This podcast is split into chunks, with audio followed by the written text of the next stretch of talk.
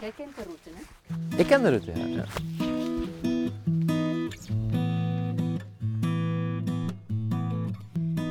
Hey, welkom bij een nieuwe episode van de podcast Brave New Human. Ik ben Ianka Vleerakkers, storytelling architect en speaker mentor bij de Thought Leaders Academy. In de zomer van 2020, toen de eerste golf van COVID-19 door de wereld is geraast, besloot ik tijdens een ochtendwandeling om drie dingen die ik al lang wou doen, gewoon te doen. Lange gesprekken voeren, aan de 100 kilometer van de dodentocht deelnemen en een podcast opnemen. Et voilà, hier zijn we. In deze podcast nemen we de tijd om te praten, de tijd om te luisteren en te wandelen. Ga je mee?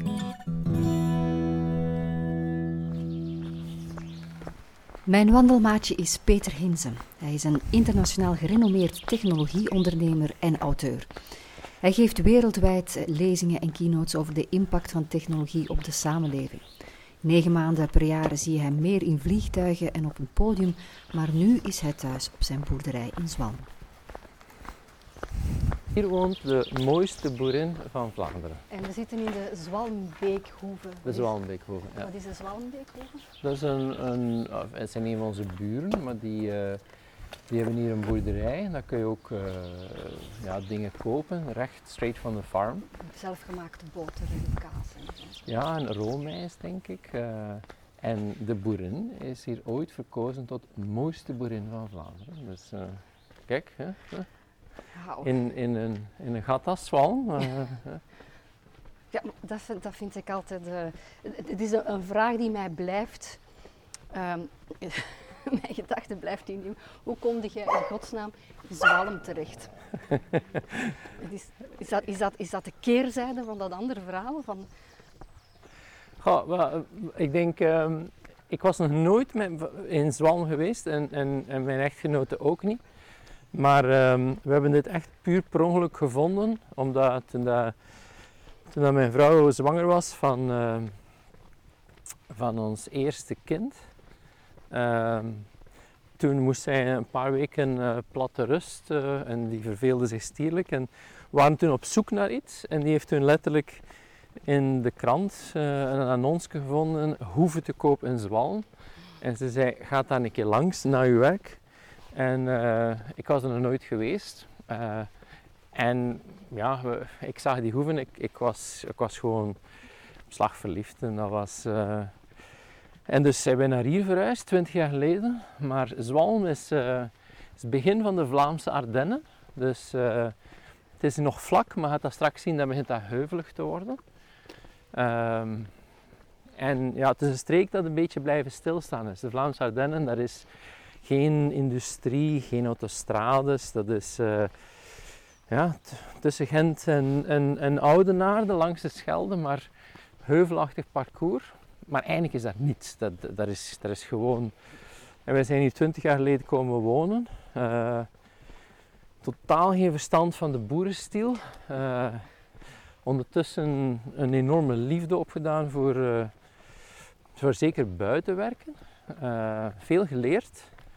Hoe, meer dat ik leer, hoe meer dat ik realiseer dat je, nooit alles gaat bemeesteren om dat eigenlijk helemaal zelf te kunnen controleren en, en, en verder zetten. Maar echt verliefd worden op de streek. Eh, en het is eh, nu een oase om... eh, ja, we, we hebben altijd het gevoel dat we op vakantie zijn als wij hier zijn. Omdat dat is, het is hier super rustig. Het is, tijd is hier een beetje blijven stilstaan. Nog veel oude boerderijtjes, en, en, maar kleinschalig allemaal. Eh, maar we zullen ook nooit een local worden. We hebben altijd een beetje een soort Manon des Sources gevoel als wij hier zijn. Dat we denken van, ehm, ja, ook, ook in onze straat, ja, dat is, veel familiebanden en mensen die er al van de eeuwigheid wonen. En wij wonen hier nu 20 jaar, maar we zijn nog altijd de outsiders, eh, Ja. de nieuwelingen. En dat, dat zal ook altijd wel zijn, denk ik. Maar, maar een prachtige streek. Veel fietsers, hè? ja, Eh, ja. ja, dat is hier wel echt een fietsstreek. Hè. Dat heb je ook gedaan, hè, vroeger? Allee, ik zeg vroeger, omdat ik denk dat je dat nu niet zo meer doet. Niet meer zo intens, maar eh, ik heb hier, toen we hier kwamen wonen, 20 jaar geleden, ik uh, toch tien jaar echt gevloekt op die wielertoeristen. Omdat uh, dat wordt elk jaar erger. Hè. Dus ja. die, ja, dat, zijn, uh, dat zijn vaak pelotons. oei. en dat zijn dan, ja, zeker zaterdag of zondag, dan zijn zij heer en meester. They rule the road. Um, en daar heb ik tien jaar echt op gevloekt en toen ben ik er zelf in geworden. Dat was... En dat was eigenlijk... fight them, join them.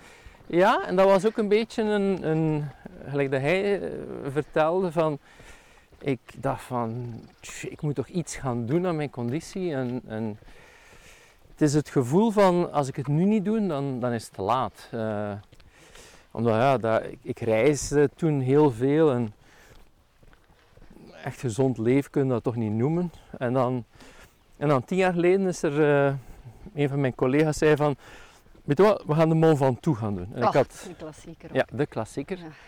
Ja. Um, dat is ondertussen oh, tien jaar geleden. Uh, ik had nog nooit op mijn koersfiets gezeten. Dus dat is echt alles. Hè. Een, een, fiets gaan kopen en dan, en dan gaan trainen. En dat was eigenlijk super leuk omdat we dat met bedrijf deden. En dat we dan eigenlijk het gevoel hadden van, hé, hey, we doen echt iets samen. En uh, ja, als je weet dat ze om zondagochtend om 9 uur allemaal aan uw poort staan, dan... dan ja, dan sta jij er ook. Hè. ja, dan, ja, Dus ze spraken meestal hier af bij, bij ons en dan gingen we hier de Vlaamse Ardennen.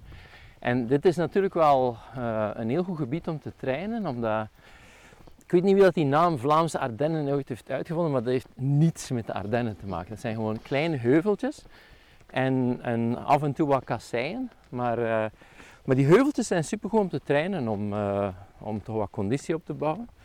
En dan heb ik echt de, de liefde voor het wielrennen echt te pakken gekregen. Um, en dan jaren eigenlijk toch uh, ook echt trainen om, om te gaan doen en dan in de zomer naar de Alpen of de Pyreneeën te gaan.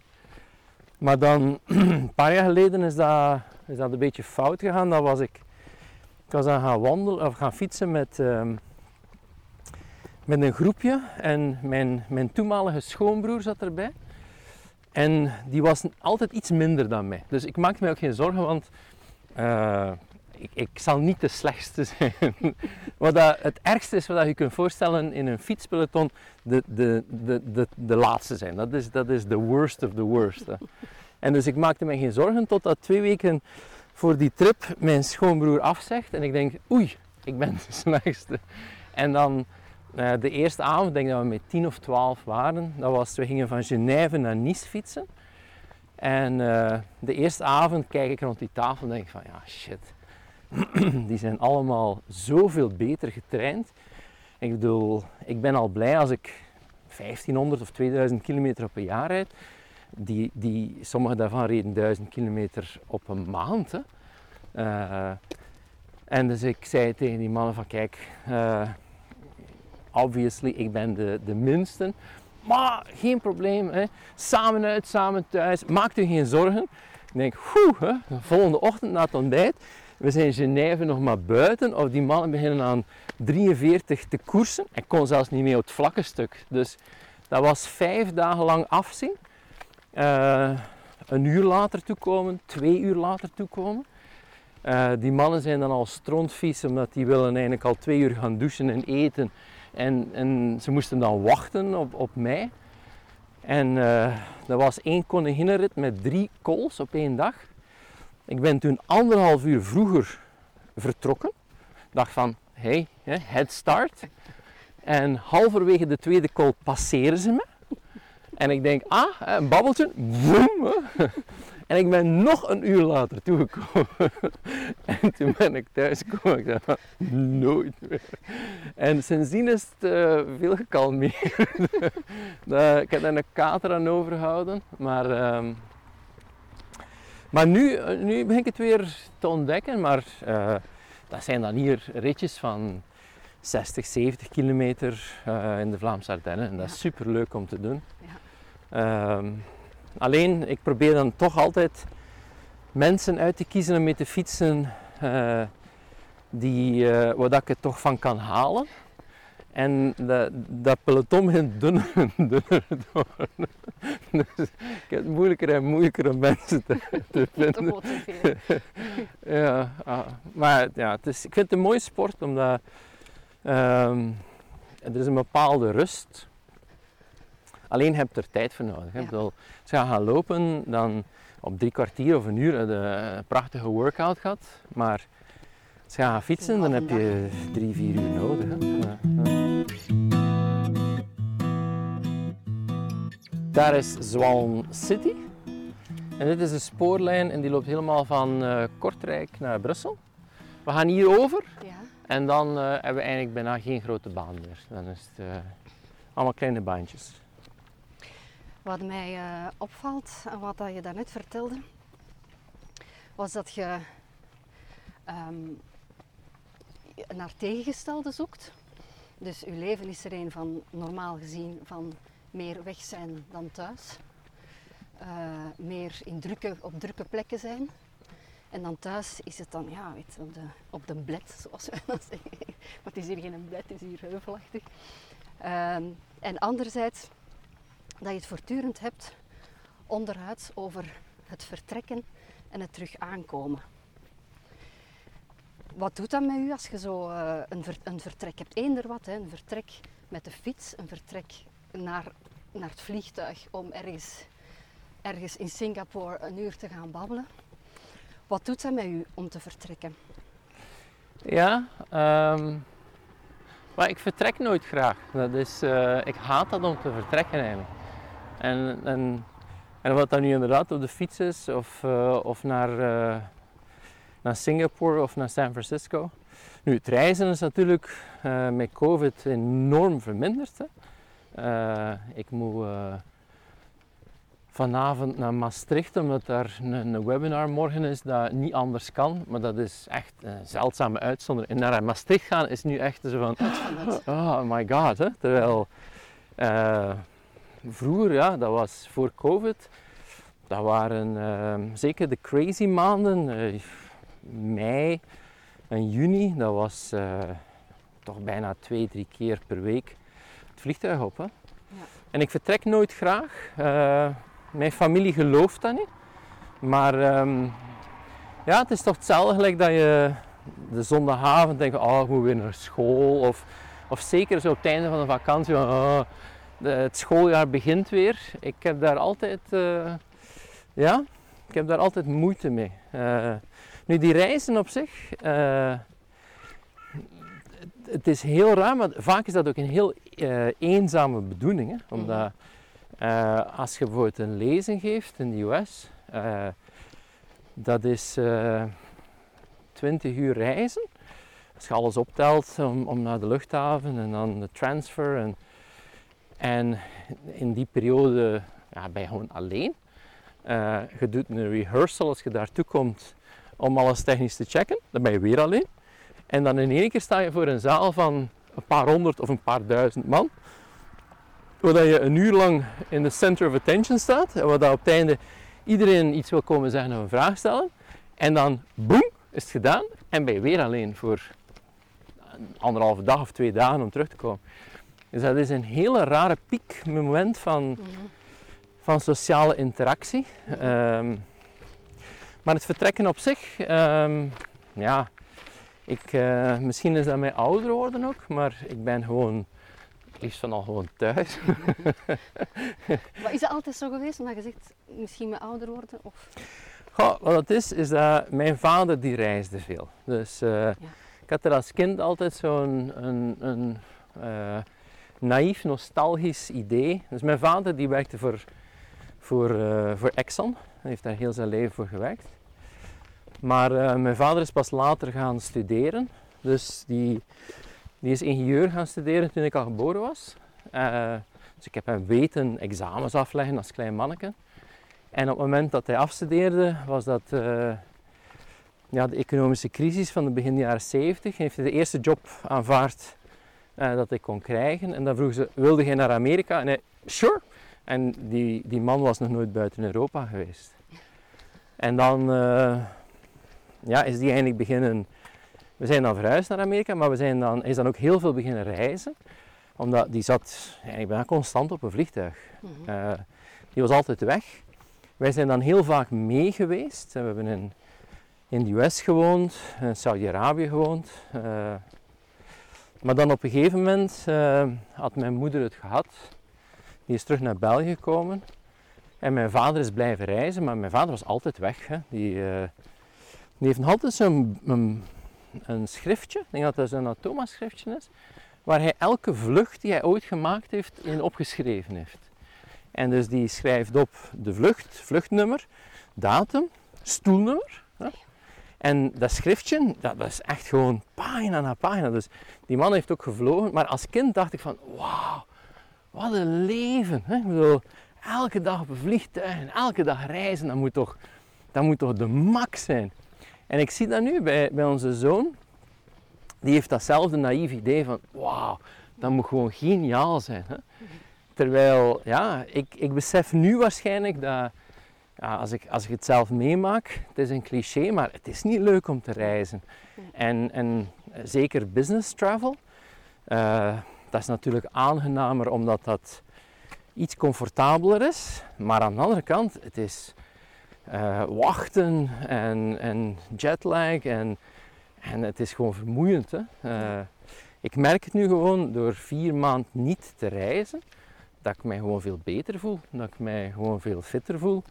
Zal ook waarschijnlijk omdat ik hele dagen op een boerderij zit te werken. Maar, ehm, maar het reizen op zich, die charme is er inderdaad snel af. Maar je kunt dat uitleggen, maar mijn zoon die gelooft dat niet. Die denkt dat ik gewoon dat ik dat, dat, dat een verhaaltje is. Net, net zoals dat ik dacht dat dat een verhaaltje was.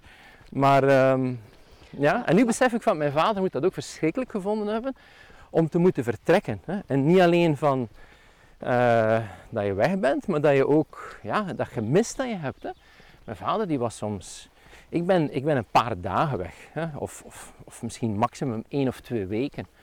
Maar mijn vader die was soms drie maanden, zes maanden weg, eh, dat we hem niet zagen. En mijn moeder die schreef elke dag een brief naar hem. Dat was nog in de tijd, maar ik kan het dat niet, meer voorstellen, maar dat was long before e-mail. Maar mijn moeder had van dat eh, luchtpostpapier, van dat heel dun blauw papier. En elke dag schreef mijn moeder op wat er gebeurd was, eh, wat er op school gebeurd was, wat ze in de supermarkt was tegengekomen. eh, en elke dag schreef hij een volle brief naar mijn vader. En dan denk ik van, chapeau hè, ik bedoel, vind dat, vind dat spectaculair, maar ehm, ja. had hij daar dan iets aan ook? Of maakte dat de eenzaamheid of het gemis groter?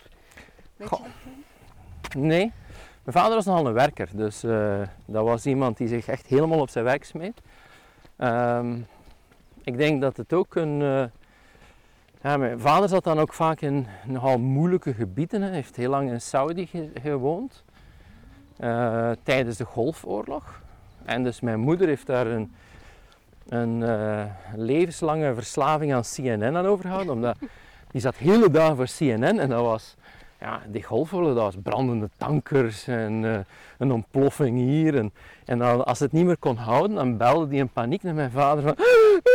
En mijn vader van, ja, ik, ik heb niets gezien, ben ik hier gewoon een croissantje gaan halen vanochtend. En ik ben hier op mijn werk en, en allee, die, die kon, maar dan zag je natuurlijk het verschil tussen de hype die op CNN getoond werd en, en de reality. Wat dat, ja, de meeste van die mensen daar absoluut niets van merkten. Hè. Maar, eh, dus ik denk dat hij er wel iets aan had, omdat hij, hij had toch een bepaalde link.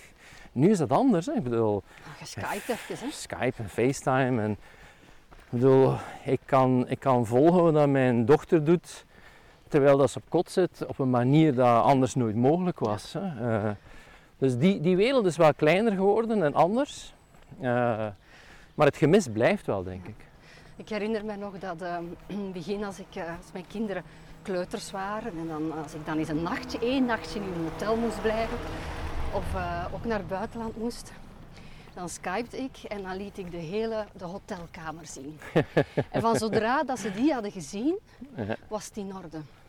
Ja. Nu kan het hun geen meer schelen in welke hotelkamer ik ook zit en waar ik te koer ben.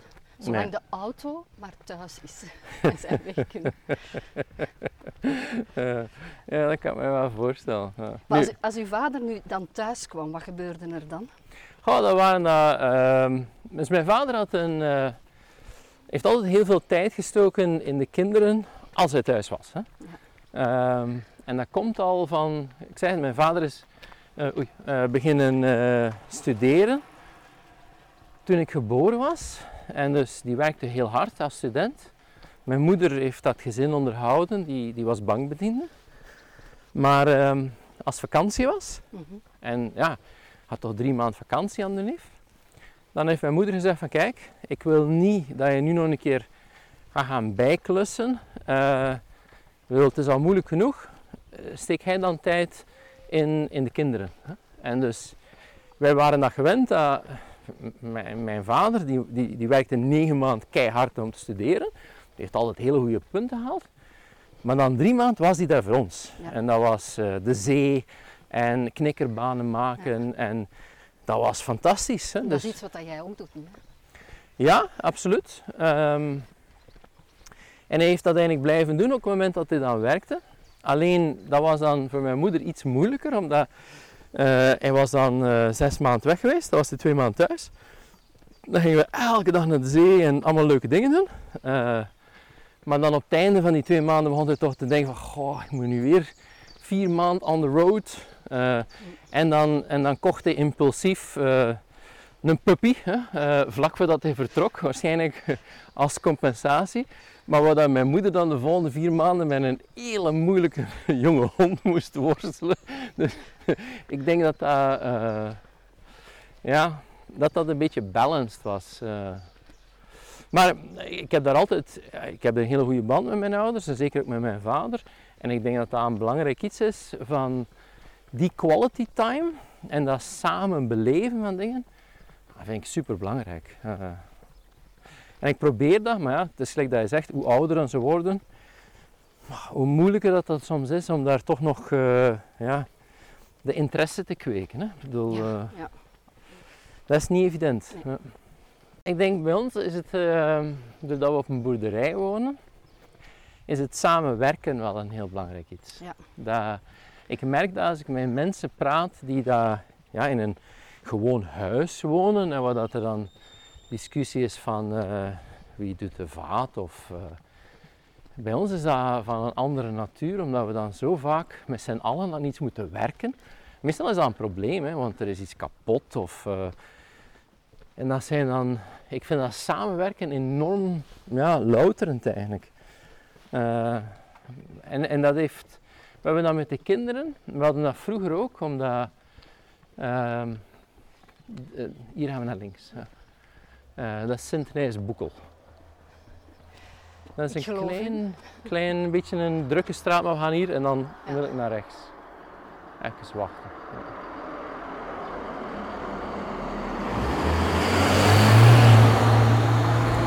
Maar eh, mijn echtgenoot die heeft een veel jongere broer.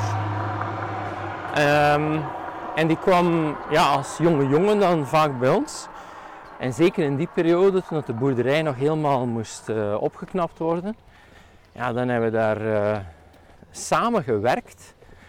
En, en ja, als je, als je werkt, dan kom je altijd onverwachte dingen tegen. Ehm, en het zijn net die onverwachte dingen die zo leuk zijn. Omdat je dan Ehm, ja.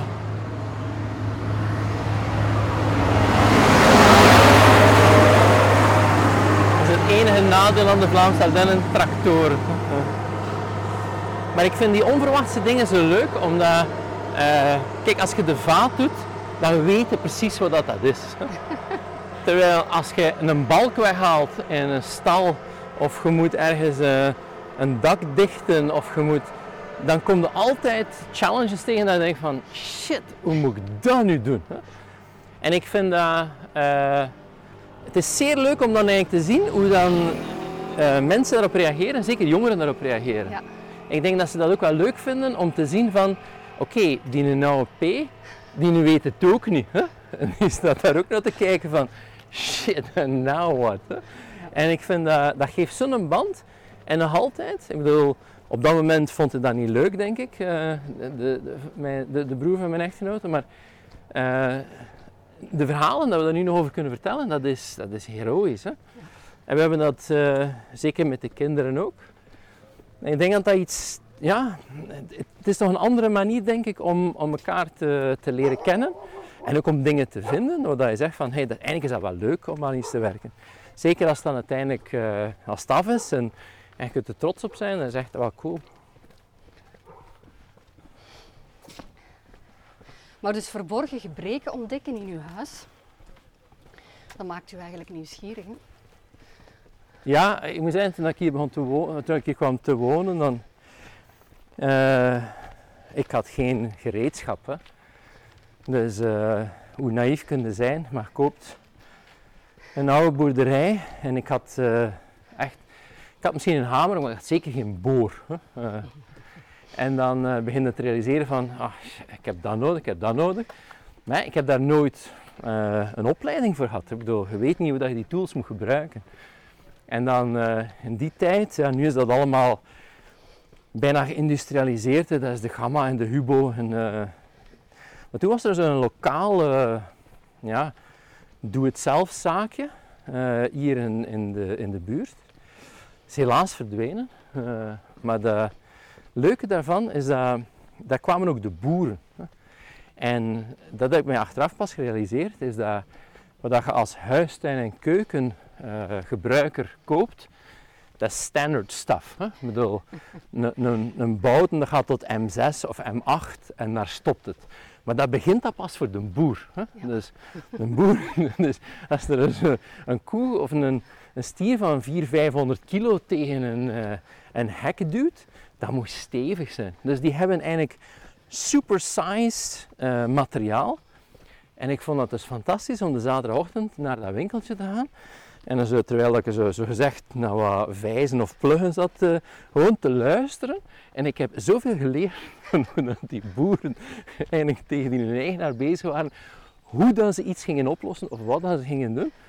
Um, en natuurlijk, ja, dan geprobeerd. Hè. Uh, en dat is iets, ja, dat, dat, je moet dat ook durven. Hè. Er zijn veel mensen die zeggen, oh, ja, maar ik heb dat nog nooit geprobeerd, ik durf dat niet. Hè. Ja. Uh, tegenwoordig is het nog makkelijker. Je kunt zoveel vinden op YouTube ja. hoe dat je het moet doen. Maar het plezier om iets uh, totally nieuw te leren, dat vind ik fantastisch. Maar kan ik daaruit afleiden dat jij in eerste instantie een doener bent? Je, je doet iets, je koopt, je, koopt die boerderij, je kent er niks van. en, en je doet dat en dan, ah ja, hoe moet ik dat hier oplossen? Ah ja, ah ja, tja, hoe gaat dat hier? En dan word je nieuwsgierig en dan gaat je beginnen leren. Ja, ik denk dat mijn familie heeft daar een andere visie op, denk ik. Die vinden dat ik vooral veel gereedschap wil kopen. en, en dat is inderdaad ook wel zo, want ondertussen realiseer ik mij van, ach, maar eigenlijk voor dat te doen heb je nog oh, dat soort zagen nodig, of dat soort bo en, ja. en, en ja, de, de eeuwige discussie is van, ik vind dat mijn werkplaats meer plek nodig heeft, omdat ik gewoon te veel grief heb. Ja. En ja, enfin, uh, het dan een hele boerderij, maar dat moet dan allemaal in zo'n klein werkplaatje. Ja, maar Peter, hoe meer plaats dat je hebt, hoe meer rommel dat je krijgt. Hè? Dat, ja, ook, dat, dat is, ook een cliché. Hè? Ja, dat is helaas de, de waarheid. Hè. Maar um, ja, ik vind dat heerlijk. En, en vooral hout. Dat is, uh, ja. Ik vind hout vind ik het mooiste om mee te werken, omdat uh, aan de ene kant kun je daar van alles mee doen. Dat is -hmm. ongelooflijk veelzijdig. Maar het is ook vergankelijk. Hè? Ja. En, en er zit een bepaalde charme in, dat je denkt van ik ga hier zoveel werk in steken om dat stukje mooi perfect te krijgen. Mm -hmm. Maar ik weet ook over 20 jaar is het weg. Ja. En dat is, uh, maar moest ik een ander leven begonnen zijn, ik was schrijnwerker geworden. Daar ben ik echt van overtuigd. Dat is een schone stiel. Ja, dat is een schone stiel. Mijn schoonbroer is schrijnwerker. Dus die, uh, de, de, de broer van, van mijn echtgenote, die, uh, nou, dat is, die kan een raam plaatsen, die kan een, een, deur plaatsen. En die jongen heeft dan heel veel geleerd door in, op allerlei werven en bij allerlei firma's te helpen. En ondertussen wat hij doet, is die, die koopt en renoveert huizen. Ja. En dat is, die heeft het plezier om in volledige vrijheid aan iets te werken. Uh, die wordt niet opgejaagd. Uh, en, en die kan zo trots zijn op de dingen dat hij maakt. En, en, En, en dan denk ik van, goh, wat een leven. Maar je zegt van, moest een ander leven opnieuw beginnen. Maar ik bedoel, ik ken genoeg mensen die, die ineens beslissen van dat alsnog te doen. Wat houdt u tegen? Ja, ehm, waarschijnlijk niet. Ehm, ik, heb daar, ik heb daar wel bewondering voor voor mensen dat dat kunnen. Uh, ik had een, een collega vroeger, um, Lieven, en dat was een, uh, een fantastische man. Enfin, hij is nog altijd een fantastische man. Maar toen ik hem leerde kennen, dat was een, dat is een heel mooi verhaal. Dus die, die, die man die is linguist, dus die heeft mm taalkunde gestudeerd.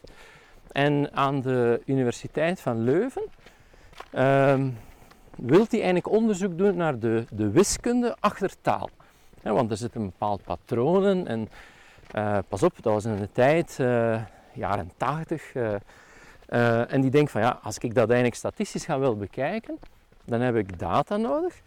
Uh, ik ga dat hier niet allemaal uh, met een rekenmachine. En die is dan eigenlijk een van de eerste mensen aan de KU Leuven geweest die computers is beginnen kopen. Maar dus als assistent in de well, letteren- en wijsbegeerte waarschijnlijk, hè, kopen die een computer.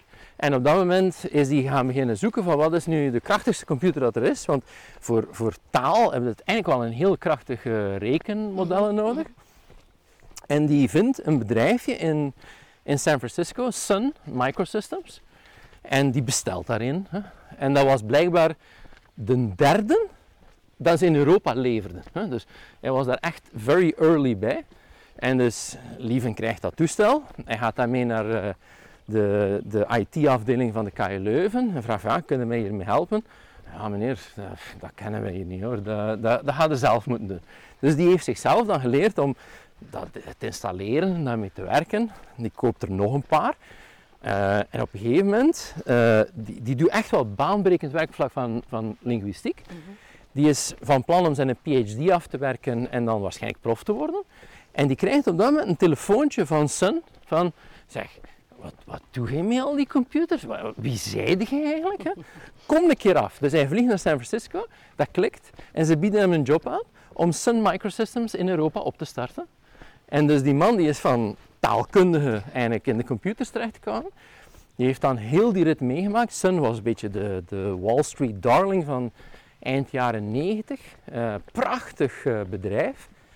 Uh, en dan, ja, gebeurt er iets. Zijn echtgenoot heeft toen een, een, een hersentumor gekregen. Heeft, uiteindelijk heeft dat geopereerd en overleefd. En toen heeft hij gezegd van ja, ik ga iets anders doen.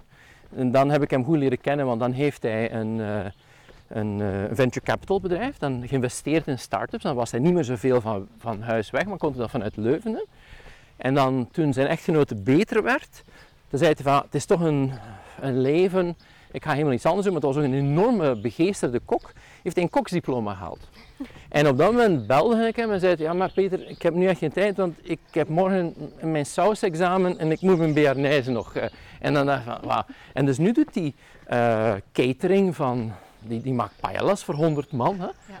Maar die man is taalkundige, computer-expert, venture capitalist en kok. Hè? Ja. En dan denk ik van, kijk, daar ben ik dan echt jaloers op. En waarschijnlijk heb ik daar de, de, de guts niet guts voor, niet denk voor, ik, ja. om dat te doen. Ja. Omdat, hoe dat je draait of keert, ik bedoel, uh, je zit in een bepaalde comfortzone. Oké, okay, hier gaan we naar links, omdat dat is de Molenberg. Ken je de Molenberg? Nee. Nee? Er gaat een molen staan, denk ik. nee, de Molenberg, dat is um, een van de iconen van de Ronde van Vlaanderen. Oei. Ja. Ja, ja, ik ben helemaal niet met wielrennen bezig. Nee? Oké. Okay. Ja, voetbal ook. Allee, ja, nu nee. een beetje met die trainer, maar eigenlijk totaal niet. Oké, okay, maar dan ga ik u de, het belang van de Molenberg uitleggen. Oké. Okay. Ja, er zijn, er zijn een paar uh, hellingen in de Ronde van Vlaanderen die nijdig zijn en met kasseien. Dus je hebt ja. de Koppenberg, daar heb je al van gehoord ja. waarschijnlijk. Ja. De oude Kwaremond. Hè? Uh, nee, en de Molenberg. en dus de Molenberg, dat, dat moet je een keer gezien hebben. Dat is, uh, en dus als de Ronde van Vlaanderen is, dan, uh, ja, nu, dit voorjaar was het, is niet virtueel, kunnen doorgaan. Was het ja. virtueel?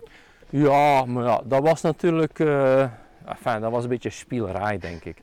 Maar enfin, uh, de hele wielerkalender is natuurlijk helemaal overhoop. Ik bedoel, de Ronde van Frankrijk. Normaal, dit moment nu, dan zit ik thuis en dan werk ik op de boerderij met de Tour de France op de radio. Dat is voor mij het meest sublieme moment. Hè? Maar uh, die, de Ronde van Frankrijk is nu in, uh, in het najaar, in september. Hè? Ja. Maar dus in het voorjaar, normaal staan we altijd hier, daar. Hè? En dus, want hier komen ze, de renners naar omhoog. En dus uh, hier zie je dat, dat heuvelende landschap. Maar dus hier is de bovenkant van de Molenberg. En de Molenberg die zit meestal redelijk vroeg in de koers. Dus uh, uh, de, de Ronde van Vlaanderen is typisch een, koers van pakt 250 kilometer. De laatste 100 uh, kilometer is een, een lus rond Oudenaarde, waar dan ze een paar keer dezelfde hellingen doen. Maar vroeg in de koers zit deze berg, dat is een klassieke, die zit er altijd in. En dat is er eentje die al zeer doet, of nog niet? Ja, omdat je gaat dat direct zien. Dus dit is nog het gedeelte uh, waar dat het uh, asfalt is. Hè. Mm -hmm. Maar dan achter dat huis, daar zijn de kasseien. En die kasseien die zijn, die zijn niet gelegd, die zijn er gewoon gesmeten. Hè.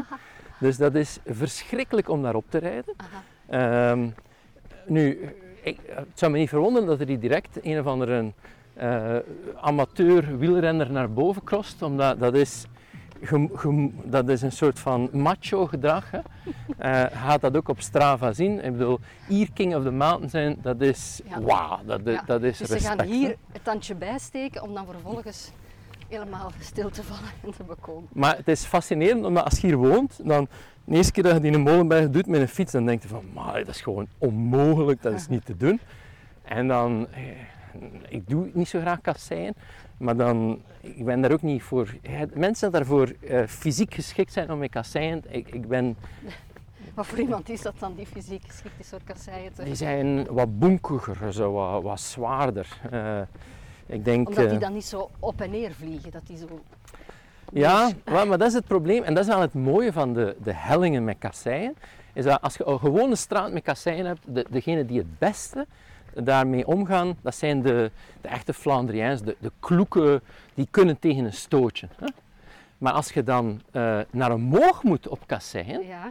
Ja, dan zijn het de lichte jongetjes die eigenlijk het beter doen. Dus het is Ah. echt afhankelijk van. Maar bijvoorbeeld, het weer speelt hier een heel belangrijke rol. Omdat als dat hier...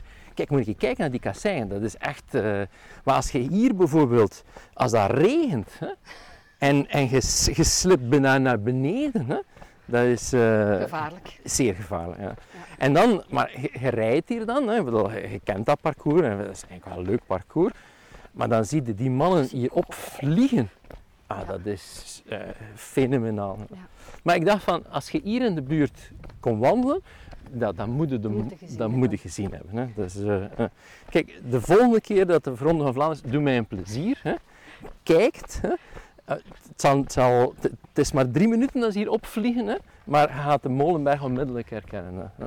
Voor mij is de, is de Tour de France zo een, een geluid. Een geluid. Een geluid. Ik ga, ik ga Een achtergrondgeluid? Ja, een achtergrond. Dat is het, mom- dat is het moment waarop dat, ehm, als het op, op zondag doorging of zo, dan, dan eh, keek mijn vader en dan viel hij in slaap. De meeste mannen vallen in slaap bij de Ja, koers, denk ik. De afgelopen twintig jaar hebben we meermaals dan met eh, een familievakantie gehad in de Provence. En dan, ja, ik zit in een familie waar dat er wielerfanaten zitten, hè, Ja. die jaarlijks de Van Toe moeten gedaan hebben en et cetera. Dus dan werd er ook naar de, naar Tour de France gekeken en je moest zwijgen, hè. Die laatste 10 kilometer moet niet afkomen met heeft er iemand goesting in een ijsje of dit. No way, hè. En de Tour de France is een keer door Bornem gereden ook. Really? Ja, ja. Dus mijn schoonvader, En Jozef van Eetveld, die burgemeester was, Wanneer was dat? dat weet ik niet. Nee. Maar jij was geleden. nog klein of Nee, nee ik, was, ik was toen nog niet in de familie, dus dat, was, eh, dat is Ah, ja. echt al jaren geleden. Maar hij heeft dat toen kunnen regelen, dat toen de Frans door Bornem reed. Dus dat is ook een hoogtepunt in, in eh, zijn carrière geweest. Zelf vind ik... eh, ah ja, ja, ik zie het. Ik voel het. Ja, ik denk aan het, stiletto's en dan naar boven gaan. Het is een beetje dat, hè? Onmogelijk. I, I wouldn't know, maar ik kan me daar iets bij voorstellen. Maar voor mij is een Tour de France een achtergrondgeluid dat, dat ik aangenaam vind, maar ik, vind het ik snap er niks van. Je moet ook leren kijken hoe dat, dat in zijn werk gaat. Hè. Er zijn zo je hebt zo rollen, rollen hè, trekkers en al. Wat is dat? Allee, Ja, ja. Er zit een hele dynamiek tussen de... Ik begreep dat vroeger ook niet. In, in de zin van, mijn vader die keek heel graag naar de koers. En ik dacht van, maar ik, ik begrijp daar echt niets van. Ik bedoel, die, als die dan thuis was, dan kon hij inderdaad de zondag, zeker als het een klassieker was, die, is dan, ja, die begint dan vol enthousiasme te kijken. En dan uiteindelijk, ja, die valt na, na een half uur in slaap. Die mist eigenlijk alle spannende momenten. En op het einde zegt hij, man, dat was een schone koers. en dan dacht ik van, dat, dat kan toch niet? Dat, dat... En, eh, en ik moet zeggen, het is er bij mij er op een bepaalde manier ingerold, omdat je ziet aan ene koers waar dat je iets ziet gebeuren en dan denk je van, wauw, dat was cool.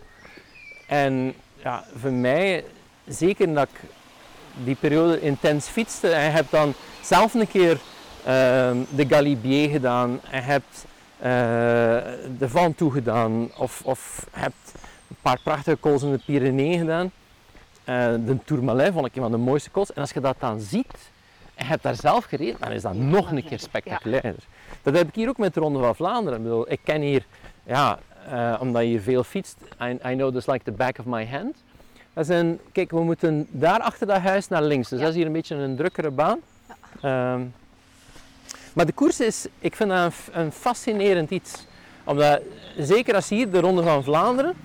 ehm, vroeger konden wij nog eh, drie, vier keer de ronde zien. Hè. Dan, dan, eh, dat was ook een familiefeest. Viel vaak samen met de verjaardag van onze dochter, die dat, dat verschrikkelijk vond, want heel de familie kwam niet voor haar, maar die kwam om naar de koers te kijken. Hè. Maar eh, ja, staat er dan aan de molenberg, maar met, ja, alle lagen van de bevolking. De diversiteit is, is fenomenaal.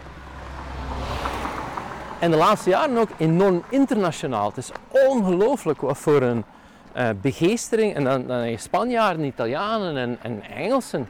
Eh, ik vind dat fascinerend om te zien hoe dat, dat eigenlijk iedereen beroert. Ehm, en, maar dat is één dag. Hè? Ja. En dat is dan het leuke van, van de Ronde van Frankrijk. Dat is drie weken aan een stuk. En ik ben daar dan vanaf dat eerste uitzending op Radio 1 begint, ben ik, er, ben ik aan het luisteren. En dan tot... En dan s'avonds in het journaal kijkt. hè. Ik kijk nooit naar het nieuws, maar dan kijk ik. Hè. Ik vind het zo ontzettend in contrast staan met, met het, het, eh, het werk dat je doet. Dat eigenlijk vooral iets eh, cognitiefs is, rationeel denken. Ehm, terwijl wat we tot nu toe al over gesproken hebben, dat draait altijd om het fysieke, om het vastpakken, om het doen, om het eh, fysieke grenzen aftasten. Ja, wat, wat, ik, wat, ik, eh, wat ik merk en wat ik wel. ehm, ik maak graag dingen. En dat, dat mis ik, denk ik, enorm in mijn normale job. Eh, ik bedoel, er is een hele, er is die maker movement in de US. en dat, dat heeft mij enorm gepakt. Omdat die maker movement was het gevoel van, eh, verliezen we niet de kunst om nog dingen te, te kunnen produceren. Hè? Mhm. En daar zat natuurlijk een hele economische rationale achter van de Chinezen, eh, dat is de, de workplace of the world geworden. En wij verliezen hier de capaciteit om nog dingen echt te maken. Eh, we kunnen dat niet meer op dezelfde prijs, kwaliteit doen, gelijk dat ergens anders gemaakt wordt. En, en dat is eigenlijk niet vast op lange termijn. Maar, maar onderliggend zat daar een filosofie van het plezier van iets te maken. Mhm. En ehm heb dat natuurlijk wel, eh, toen ik jong was, eh, als klein manneke, ik kwam nooit buiten. Hè. Dus eh, ik, was, ik was zo bleek dat je er bijna kon doorkijken. Hè. Ik, ik had ook geen goede fysiek, ik was altijd ziek. Ehm, maar als klein manneke, dan zat ik heel dagen achter mijn computer. Hè. Dat was de tijd van de Ataris en de Apples en... Commodore hier. Commodores, maar ik maakte iets in de zin van, ik kon een programmaatje schrijven en dat deed iets en dat gaf mij ongelooflijk veel plezier. Mhm. En ik zie dat nu bij mijn zoon ook. Eh, onze zoon die, die, die doet elektronica en als die iets maakt, als die iets schrijft, als die iets programmeert en dat doet iets, daar is een bepaald ongelooflijk cool element dat je dat zelf gecreëerd hebt en dat dat dan iets, iets geworden is. Hè. En dat zit in die maker movement heel sterk in. Dus in Amerika had je toen ehm, een heleboel van die Fab Labs, die, pak, ja, nu is dat hier ook wel, maar toen, zes, zeven jaar geleden, zag die overal opkomen. Ehm, typisch een, een oude fabriek, uh, waar dan ze allerlei toestellen in zetten die je als particulier niet kunt betalen. Ehm, een beetje gelijk een, een, gym, maar dan voor, voor nerds. Hè. Mhm. En dan had je daar uh, ja, een, een, waterkutter, waar dat je door 10 centimeter staal kon snijden. Ja, dat heb ik niet in mijn in boerderij. Nog niet. Nog niet hè. Maar dan kon je naartoe gaan, iemand kon u uitleggen hoe dat je moest gebruiken. En dan kon je daar iets, iets, iets maken. Hè. En dan zag je dan een heleboel ja, hobbyisten, ehm, maar gewoon kunstenaars, mensen die voor plezier iets maakten, mensen die daar probeerden iets mee te verdienen. Maar je kwam daartoe en je zag daar alle soorten toestellen. En vooral een community van mensen die aan elkaar uitlegden van je moet dat zo en zo, op, uh, zo en zo gebruiken of je, moet dat, je kunt dat beter zo doen. Oh, dat vond ik fenomenaal. Mhm. En, en toen is mijn goesting weer teruggekomen van uh, ik wil zelf meer dat gevoel hebben van iets te kunnen maken. En, en ja, op een bepaalde manier ik denk de enige manier dat ik dat heb, is dat als ik bijvoorbeeld een presentatie maak, ja, ik steek er ook mijn werk in. Hè? En het, het, het kunnen maken van een presentatie waar dat visueel goed in elkaar zit, waar dat een storyline, is ook iets. Hè? Uh, but it doesn't compare. Daar moet het mee hebben van hebben negen maanden op een jaar het maken van een presentatie. Dat is, dat is ja, maar ik denk vroeger was toen, dat we, toen dat ik nog meer met de start-ups zelf bezig was, dan het maken van een bedrijf, hè, of het starten van een bedrijf, is ook cool. Hè. Dat is ook iets van niets, dat je iets maakt. Hè. Mhm. Maar dat idee van creatie, dat vind ik super belangrijk. En vandaar dat ik, ik begrijp, uh, ik begrijp een kunstenaar op een bepaalde manier. Hè, die, die met een idee en dan iets kan produceren waar mensen zeggen, oh dat is mooi of dat is, of dat is, dat is diepzinnig of daar zit iets in. Uh, iemand die een boek schrijft. Hè. Uh, maar, maar, maar ook mensen die inderdaad gewoon uh, een, een, prachtige stijl hebben en die iets kunnen maken. En het plezier volgens mij, en ik denk dat dat iets diep, diep in ons is, omdat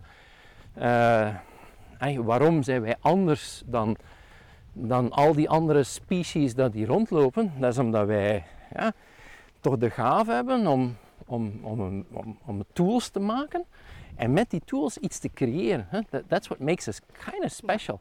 En ik denk, ehm, als je. En ik zie te veel mensen die dat niet meer hebben. Die daar ook.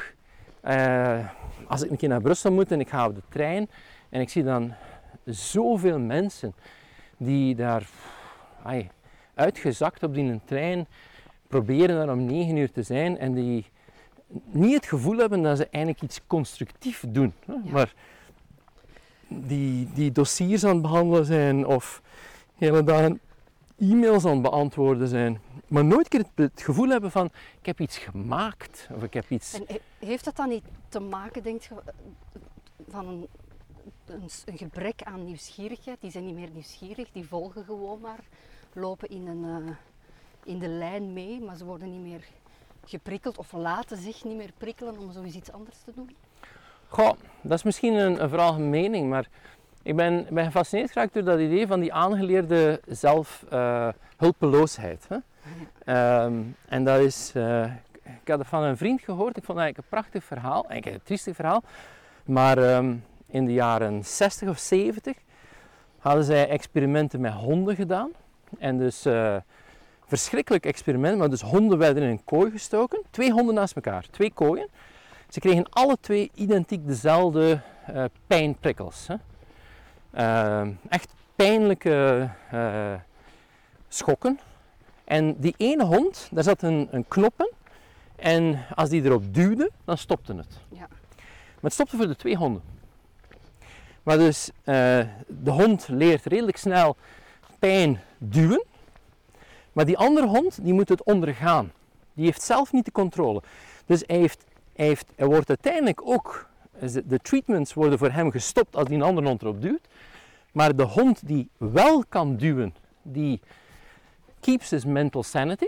Mhm. De andere hond, die verliest gewoon alle capaciteit om nog verder te gaan. Ja. En dan denk je van, dat is zo ingrijpend. Hè? Ja. En ik zie heel veel mensen waar dat die aangeleerde hulpeloosheid, eh, het gevoel van, ja maar, ik kan daar toch niets aan doen. Of, of ik heb daar geen invloed op. Ja.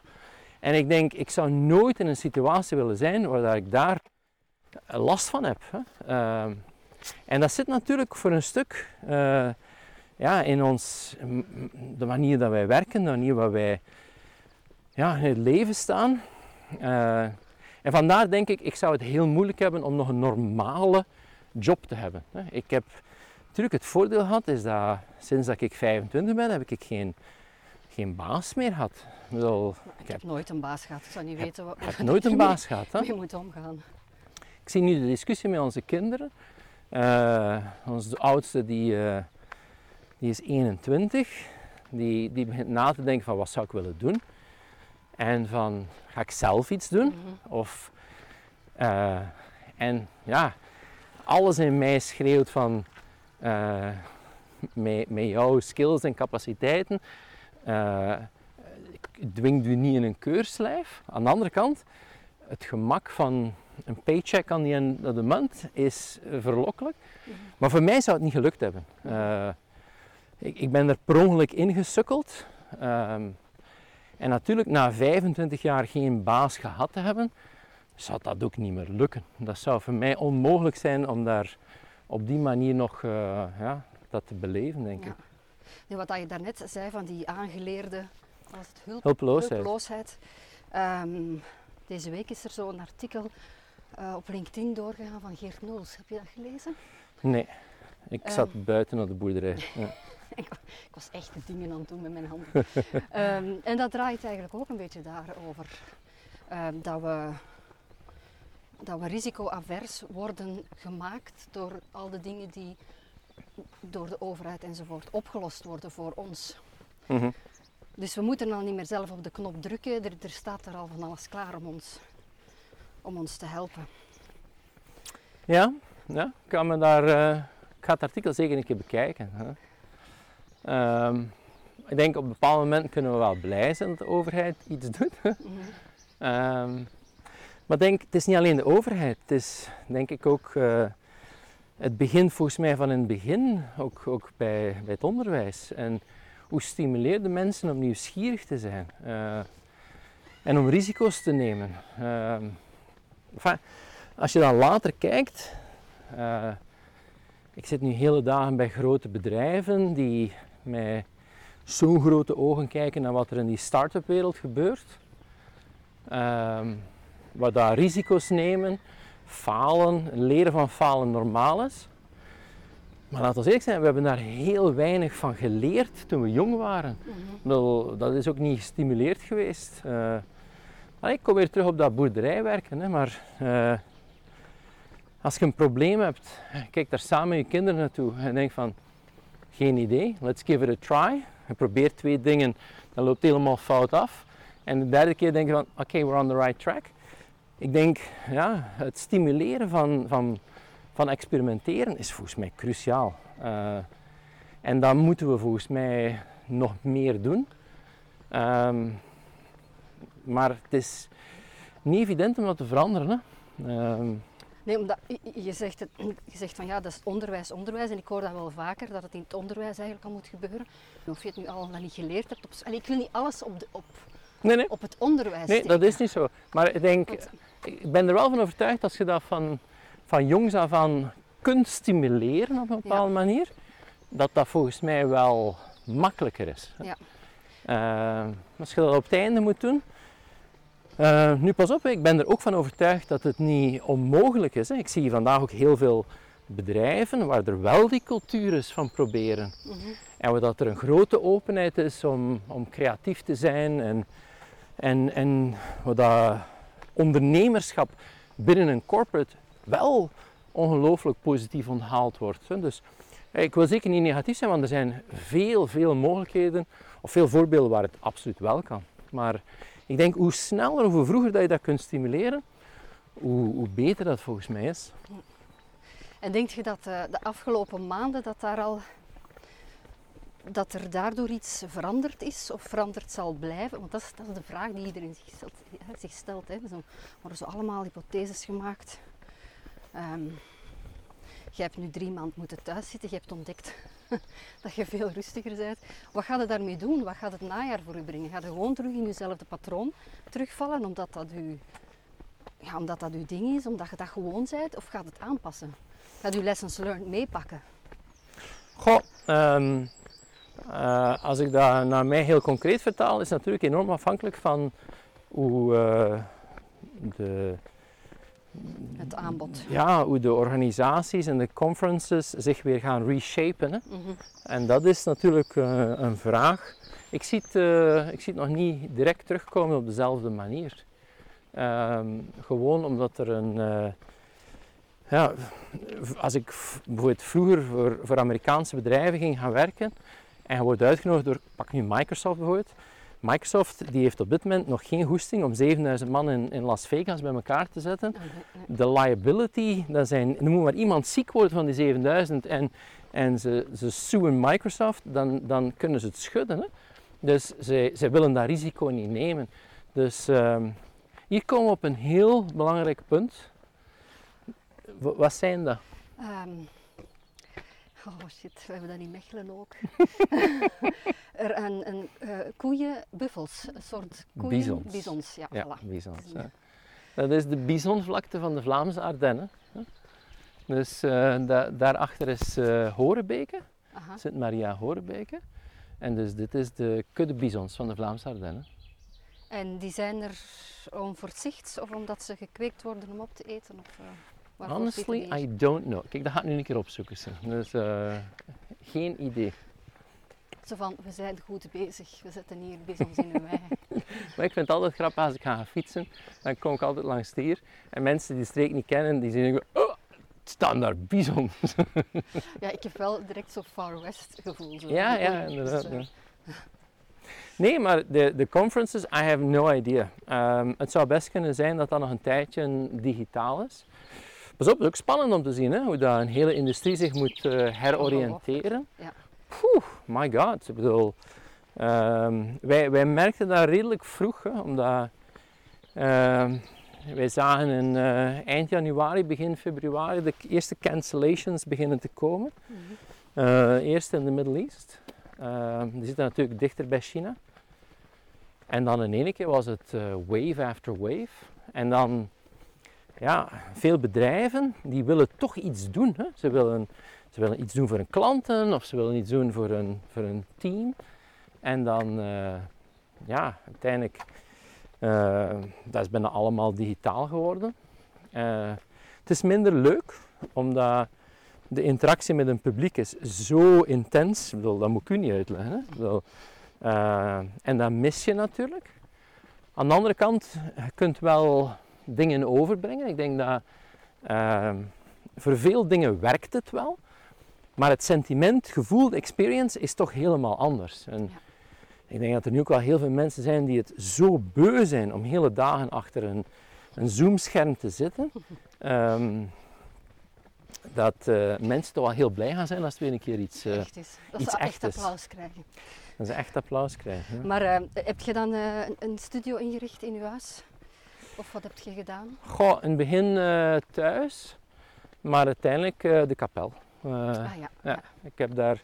Ah, ik, ik zag de um, commencement speech dat je ah, ja, ja. voor. Upgrade the State en Nextworks had online gezet. Ja. Maar ik dacht van, ik moest goed kijken en ik van, dat is Green Key. Nee, nee, nee, nee, nee, dat was Want ik, echt... had, ik voelde zo het perspectief, vond ik zo, er zat zoiets raars met het perspectief. Naar de Ja? kapel. Nee, dat was gewoon de kapel, ja. Die kapel uh, die was eigenlijk klaar om gebruikt te worden voor allerlei events. En uiteindelijk is dat bijna nu mijn, mijn fulltime uh, studio geworden. Ja. Maar um, nee, het, is, het, het, gaat wel. Ik bedoel, um, maar het raar is van je kunt natuurlijk wel dingen doen en de tijdsbesteding is helemaal anders. Hè. Letterlijk, ik, uh, ik heb uh, woensdagochtend om 9.30 uur een call voor uh, het leadership team van, van een grote utility. En om 11.30 uur is dat gedaan. En om 12 uur zit ik gewoon een motor aan het eten met mijn familie. Terwijl... En lukt dat dan om in die modus elke keer te geraken? Want dat, dat wordt dan op een gegeven moment kan ook wel zoiets abstracts worden. Hè? Vandaar dat ik het eigenlijk wel handig vind om dat niet thuis, Thuis te doen. doen, Ja. Omdat ik heb het in het begin dacht ik van, goh, ik ga gewoon boven aan mijn bureau gaan zitten. Maar dan, eh, of dat het dan eh bipost is die aanbelt met een pakje. Of een van de honden die weggelopen is. En dat er in één keer in heel paniek de hele familie de hond moet gaan zoeken. Ehm, nee, dat is heel moeilijk om dat te combineren. Dus ehm, dan was het eigenlijk wel handig om eh, een remote location te hebben. Ja, wat ik merk dat, dat er toch vaak gebeurt hè, door events die, die het budget hebben dat ze een studio huren waar dat dan elke spreker zijn keynote kan gaan geven, waarin dat de condities optimaal zijn. Heb je dat vaak voor? Of? Ja, het zijn er zo'n paar. Ehm, maar eh, ik, ik, eh, het is na een tijdje beginnen te merken van wat werkt er, wat werkt er niet. Eh, het grappige is dat je ziet, is dat je hebt de, de klassieke audiovisuele technici, die, die Ja. weten hoe ze met een camera moeten Ja. omgaan. Ehm, maar dan heb je ook de mensen die ervaring hebben met streaming. Hè. Ja. Dat is nog een beetje een andere métier. Eh, en ik heb wel graag een team die, die zorgt dat alles technisch goed in orde is en dat alles prima getest is. En, en ik heb ook toch nog wel redelijk wat amateurisme gezien. Eh, en dingen die soms fout lopen. Ik had een event, eh was echt. we, we waren op locatie bij een, een, eh, een kok. Eh, en in zijn, in zijn keuken eh, een hele mooie setup. En daar zaten de vier, eh, 4K camera's allemaal in high definition. De streaming mensen zaten daar. En dus dat begint. Dat was een webinar voor een aantal selecte klanten.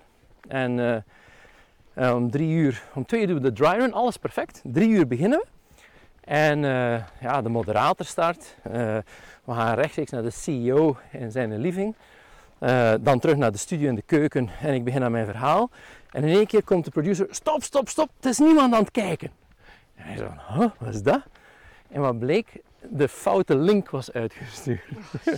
en dus dat waren topklanten, CEO's. Maar ja, die klikken op een link, dat werkt niet. Nog een keer. En dan zeg je, hey, forget it. Hè. Ja. En dan zie je, er zijn allerlei dingen die kunnen fout gaan. Hè? Ehm, en dat is natuurlijk wel de learning curve geweest. Ehm, ik denk dat je bijna een, een seminar zou kunnen geven over wat er allemaal fout kan gaan met online seminars. Ehm, maar ik vind het wel spannend om te zien. En eh, ik ben eens gaan spreken bijvoorbeeld in Gent, waar dan ze de, de VIP van AA Gent helemaal hadden ingericht als een studio. Eh, en daar is natuurlijk, ja, er wordt niet gevoetbald, dus eh dat hadden daar plek. en dan zag je dat ze perfect eh, had een, een, een hele corona-proof environment waar dat de sprekers konden zijn. Ehm, een studio waar de, de moderator zat, studio waar dan ze eh, een interview fireside chat konden doen. Een paar studio's voor keynotes en in het midden een hele goede technische regie. En dan denk je van, ah, dat is wel cool hè, want je ziet een hele industrie zich helemaal heruitvinden met nieuwe formats. Ehm, en ik denk eerlijk gezegd dat het in september niet gedaan zal zijn en back to the old normal. Ik denk die, dat zal volgens mij een, een blijvende kentering zijn. Eh, ik ben ik- daar niet rouwig om. Ik denk dat zelf ook. Ik denk dat, eh, dat het een hybride vorm zal zijn. ehm, waarin dat je, als het al live gebeurt, dan is het voor een soort van VIP. VIP-klanten of zo, VIP-gasten, Ja, ja, die live mogen bij u zijn. Ja, heel select, greet, ja. eh, en dan de rest ehm, online. Maar dan spelen er wel natuurlijk nog een heleboel eh, factoren, vind ik, waar dat denk ik ze nog niet mee bezig zijn. Dat is het gevoel van ja, de, de rechten. Met mijn televisieverleden waren contracten waarin dat duidelijk stond, auteursrecht, ehm, herhalingen, heruitzendingen. ja. Als alles zo opgenomen is en gestreamd wordt, wat heb je dan als spreker nog, nog in uw hand om te zorgen dat uw IP bij u blijft of dat je niet ehm, zomaar heruitgezonden wordt en verkocht wordt. Ja, dat is en daar absoluut zijn ze waar. nog niet mee bezig, heb ik de indruk. Nee, ehm, ik denk dat het nu een kwestie is van getting stuff out. Hè. Eh, en dat zal dan nog wel zichzelf moeten uitwijzen. Ehm, maar ik denk, je ziet het ook. Ik, ik, geef nu al een paar jaar op, uh, op London Business School les. Uh, doe dat wel graag, omdat dat... London Business School is een heel internationale groep. Dus uh, dat is een beetje die oude Britse kolonie, maar dan heb je mensen van Australië, Nieuw-Zeeland, India, uh, Canada. Dat is een beetje dat, dat, koloniale empire, maar dan op education vlak. En maar mm -hmm. de, de, de, invloeden zijn wel interessant, omdat je daar mensen van, van overal krijgt. Um, maar um, ja, de discussie speelt daar nu. Is London Business School is gesloten sinds uh, 13 maart. Uh, ik was een van de laatste dat daar les gaf. Uh, en dat was, we waren daar met een groep, dus de Senior Executive Program is vier weken. Dan komen mensen vier weken naar Londen. En op het einde van de eerste week heb ik ze de vrijdag. En zij zitten dan nog dan drie weken. Ze blijven echt gewoon on campus. Hè. Ja. Um, en uh, de vrijdag van de laatste van de eerste week is daar om vier uur een koffiepauze. En um, de dean komt af en die zegt van ja, uh, na, als je gedaan hebt, is, is school is toe. Uh, en dat was van oké, dus ik doe mijn laatste lesuur en ik ben mijn computer aan het afbreken. En de dean zegt, kijk ja, we're very sorry, but we're closing the school. En dus dat waren mensen echt van, ja, all over the world, van ga maar naar huis. Vind, vindt u weg maar. Dat was echt een really weird situation. Sindsdien is de school gesloten. En uh, ja, de school zegt nu van ja, kijk, we zouden heel graag uh, toch die hybride al op zijn minst opstarten. Dus kun jij je les inblikken? Hè? En de discussie is natuurlijk ontstaan van oké, okay, maar als we dat ene keer goed opnemen, hè, en of dat je dat dan afspeelt voor Danone of voor Nestlé, dan moet je niet komen. Hè? Ja. Ja, ja. En aan de proffen natuurlijk van, ja maar wacht een keer, hoe, hoe gaat dat dan hè, gecompenseerd worden? Absoluut. en ik denk, het gaat spannend zijn om te zien. Maar je ziet dat ook, ay, onze dochter die is tweede jaar farmacie. Uh, ja, dat is natuurlijk uh, allemaal online lessen geworden. En een aantal proffen, die, dat lukte dan niet. En hebben ze gewoon de lessen van het jaar daarvoor afgespeeld. Hè. Nou, er zijn veel vakken waar dat er nu niet zoveel verandert op een jaar mm -hmm. tijd. Maar dan denk ik van ja, de manier waarop we dat soort content brengen, als we dat nu een keer goed opnemen en je kunt dat repliceren, ja, maar het hele model verandert dan natuurlijk wel door. Hè? dan krijg je een televisiemodel, een Netflix-model. Krijg je een televisiemodel, ja. Maar het zou best kunnen zijn dat in een aantal dingen dat dat misschien een betere oplossing is. Hè? Het gaat u zelf meer quality time geven. Mits, mits de fee navenant is natuurlijk. Hè? Want als ik zie wat de auteursrechten zijn van, van uh, uh, de rollen die ik heb gespeeld. Dat gaat dan van hoofdrol, bijrol. en dan is een ander percentage verdeeld over al de acteurs. En dan het aantal heruitzendingen, et cetera. Dus um, ja, je, moet, je moet al in een familie of thuis gespeeld hebben, wilt je daar, daar zo'n fiat overhouden waar je van denkt, oké, okay, daar kan ik iets mee doen. Ja. Um, ja. Maar het is wel dat, dat principe dat je moet, uh, moet gaan, uh, gaan toepassen, denk ik, of van daaruit vertrekken.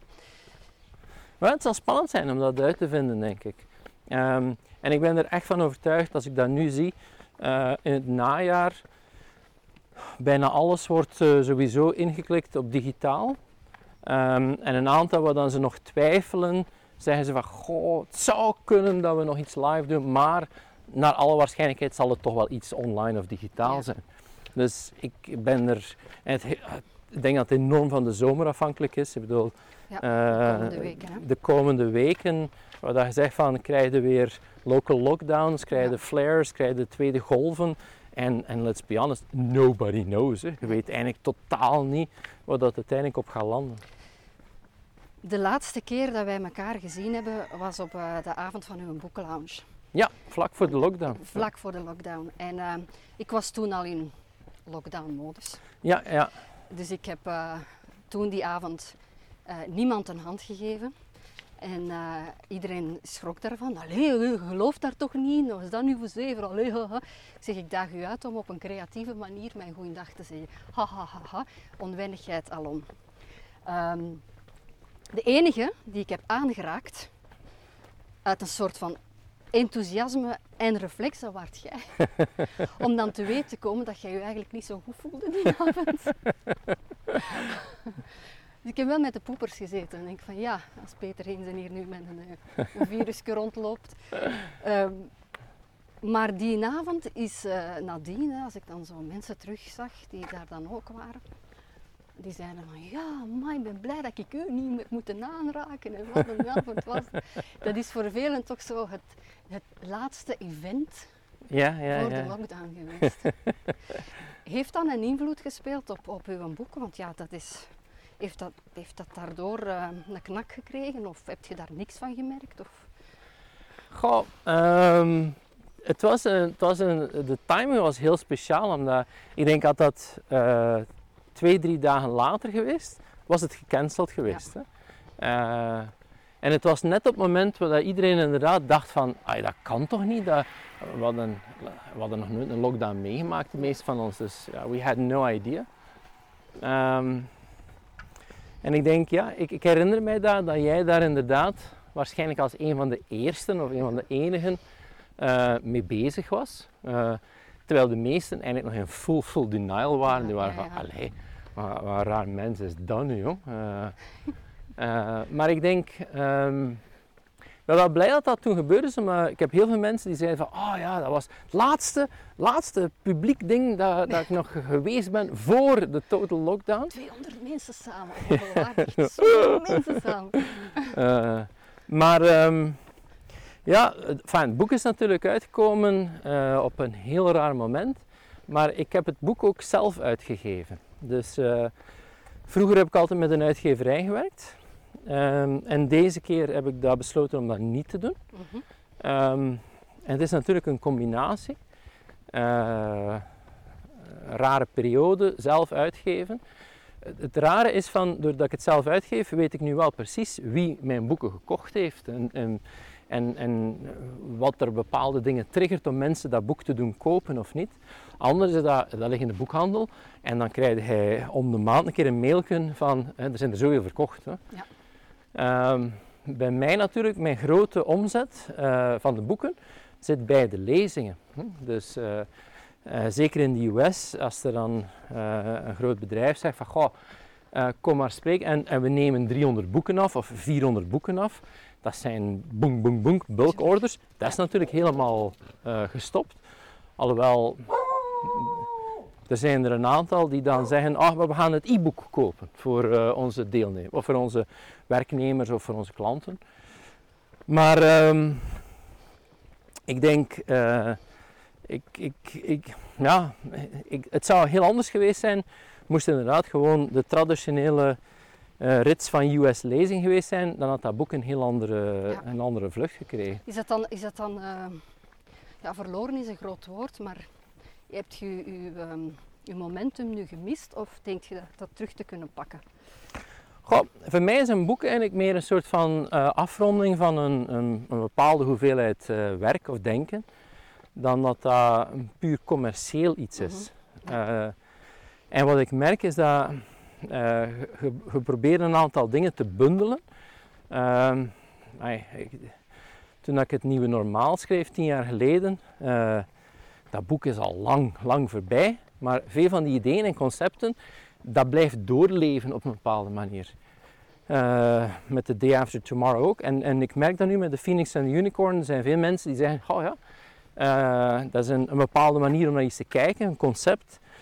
En dat heeft zijn rol. Um, en dat gaat volgens mij blijven leven. Ja. Dus op dat vlak, uh, een boek moet je niet doen om daar, om daar veel geld mee te verdienen. Hè. Bedoel, als je dat allemaal optelt, uh, de, de effort dat daarin kruipt, krijg dat nooit dan kun je beter in een Aldi gaan werken, denk ik. Ja. Krijgt dat daar eigenlijk niet uit. Maar het is, het is eerder van, en ja, voor mij is het ook van, zeker in de US, het is een bepaalde milestone dat je daar zet en, en dat helpt wel. Ik heb mijn eerste boek geschreven uit pure frustratie, omdat ik was een, een lezing in, ik ga het nooit vergeten, in Phoenix in Arizona gaan doen. En dat was een groot podium. En vlak voordat ik opging uh, achter de coulissen, zegt hij een MC tegen mij van... Uh, What's the title of your book? En ik zeg, I don't have a book. En hij zegt, You don't have a book? Dat is maar van een debiel. Komt er hier nu iets vertellen? En nog niet eens een boek. En dan dacht ik van, ja, daar moet ik dan toch iets aan doen. Hè? Um, en ik denk dat het een soort van, ja... Uh, het is een, het is een, het is een stikje rond, rond een periode dat je dan schrijft. En um, then you move on. Dus, ja, ja dat, dat soort denken is afgerond, dat komt in een boek terecht en dan begint je daar nog drie jaar over te spreken. Dus, dus dat is dan toch niet afgerond. Dat is dan... Nee, wat dat wel is, is dat uh, uh, it's out there. En dan mhm. krijg je de mensen ah, ik heb daar, ik heb daar dat mee gedaan. Of uh, wij hebben dat zo geïnterpreteerd. Of hoe moet ik bij ons komen kijken, want wij denken dat wij een goed voorbeeld zijn van dat. Hè? Ja. En dat maakt het verhaal wel rijker. Ja. Dat, dat maakt het kleurrijker, dat geeft wat meer invulling. Uh, maar bij mij is het na een teken, dan begin ik toch met nieuwe dingen. En dan probeer ik er iets en dan kijk ik een keer van Pacta. En god, dat is een, een, misschien een manier om te kijken. En dan, als er daar weer voldoende nieuwe dingen zitten, dan denk je, ik moet daar weer een stukje rond doen. Hè. Uh, en bij mij is dat zo, ja, je kunt daar geen vaste klok op zetten, maar dat is drie jaar. Na drie jaar uh, ben ik het oude verhaal ook wel beu. Uh, maar dat is het rare. Soms krijg je nog mensen die dan, dan willen. Hè? En ik heb nu een paar keer gehad. Vorig jaar was dat twee keer uit Japan. en dat was twee keer een Japans bedrijf. En die zeiden van, goh, we zouden graag een dag komen spreken. We hebben hier een filmpje gezien op YouTube. Het is dat. Het is dat dat je moet komen brengen. En dan, welk filmpje is dat? Ja, en dan is dat iets van 2011. Hè? Dat staat nog op YouTube. Ik heb daar ooit een keer een lezing gegeven in de tijd van, van het nieuwe normaal nog. En dan zeiden van, man, één, ik, denk dat ik die presentatie niet meer heb. Twee, dat is al een verhaal dat ik totaal niet meer vertel. En als je dat echt wilt, zet dan dat YouTube-filmpje op. maar dan, ja, dan zie je de absurditeit dat uh, ja, sommige bedrijven zitten in een ander stadium van evolutie. En dan, het is dat op dat moment dat ze nodig hebben. Ja. Um, maar enfin, ik heb het toch niet gedaan. Ja. Er, zijn, uh, er zijn een aantal woorden in mijn woordenschat, in mijn vandalen gekomen, die ik echt van de eerste, de eerste keer pas gehoord heb bij jou. En ik ben ze ondertussen kotsbeu gehoord. Ja, ik kan me voorstellen. En dus ik vraag me af, die woorden, zijn dat, heb jij die uitgevonden of heb, heb je die ook gehoord? Ik heb het over de new normal, the, the, the day after tomorrow, echt. dus, zijn, dat, zijn dat dingen die jij gelanceerd hebt of, of waren die al, hingen die al in de lucht? Well, de New Normal hing in de lucht. Dus uh, de New Normal um, had ik één of twee keren in een artikel denk ik, in de Financial Times gezien. Maar ik dacht van, hoe kan ik dat toepassen? En dan toen ik het boek schreef, digitaal is het nieuwe normaal. Ik denk dat dat waarschijnlijk de eerste keer was dat dat bij elkaar kwam. Ja. Uh, the Day After Tomorrow, dat, uh, toen ik met Stefan Bellegem een masterclass in Barcelona deed, dan uh, had hij mij gelapt dat ik na twee dagen workshop, dat ik de closing op de, de laatste ochtend moest doen. En de avond daarvoor dacht ik van shit jongen, wat, wat, wat, kan het nu nog? En dan in, in een moment van, uh, ja, ben ik met dat concept van The Day After Tomorrow afgekomen. Ja. Uh, maar uh, ik kan me voorstellen, als jij ze niet meer kan horen, dan moet je je voorstellen wat dat bij ons thuis is. Hè? Dus in de tijd van het nieuwe normaal, dan was er in mijn presentatie was er zo'n S-curve. En dan, uh, dan zei ik van, we zijn nog niet eens halverwege. Maar dat zat in elke presentatie. Ik zijn nog altijd niet halverwege. Ja, ja. en dan, maar dan telkens thuis, hè, dan, uh, of dat dan nu aan de ontbijttafel was, hè, maar als ik ergens halverwege, dan zouden iedereen zijn ogen van, ah, hey, kunnen we een keer stoppen met die keynotes thuis te geven. Dat, ja. Na- Dus- Natuurlijk, als, als je dat gedaan krijgt, dat is geweldig. Hè? Als, als mensen nu je jargon gaan gebruiken in hun eigen business, in hun eigen dingen. eh, maar Totdat ze er kotsbeu.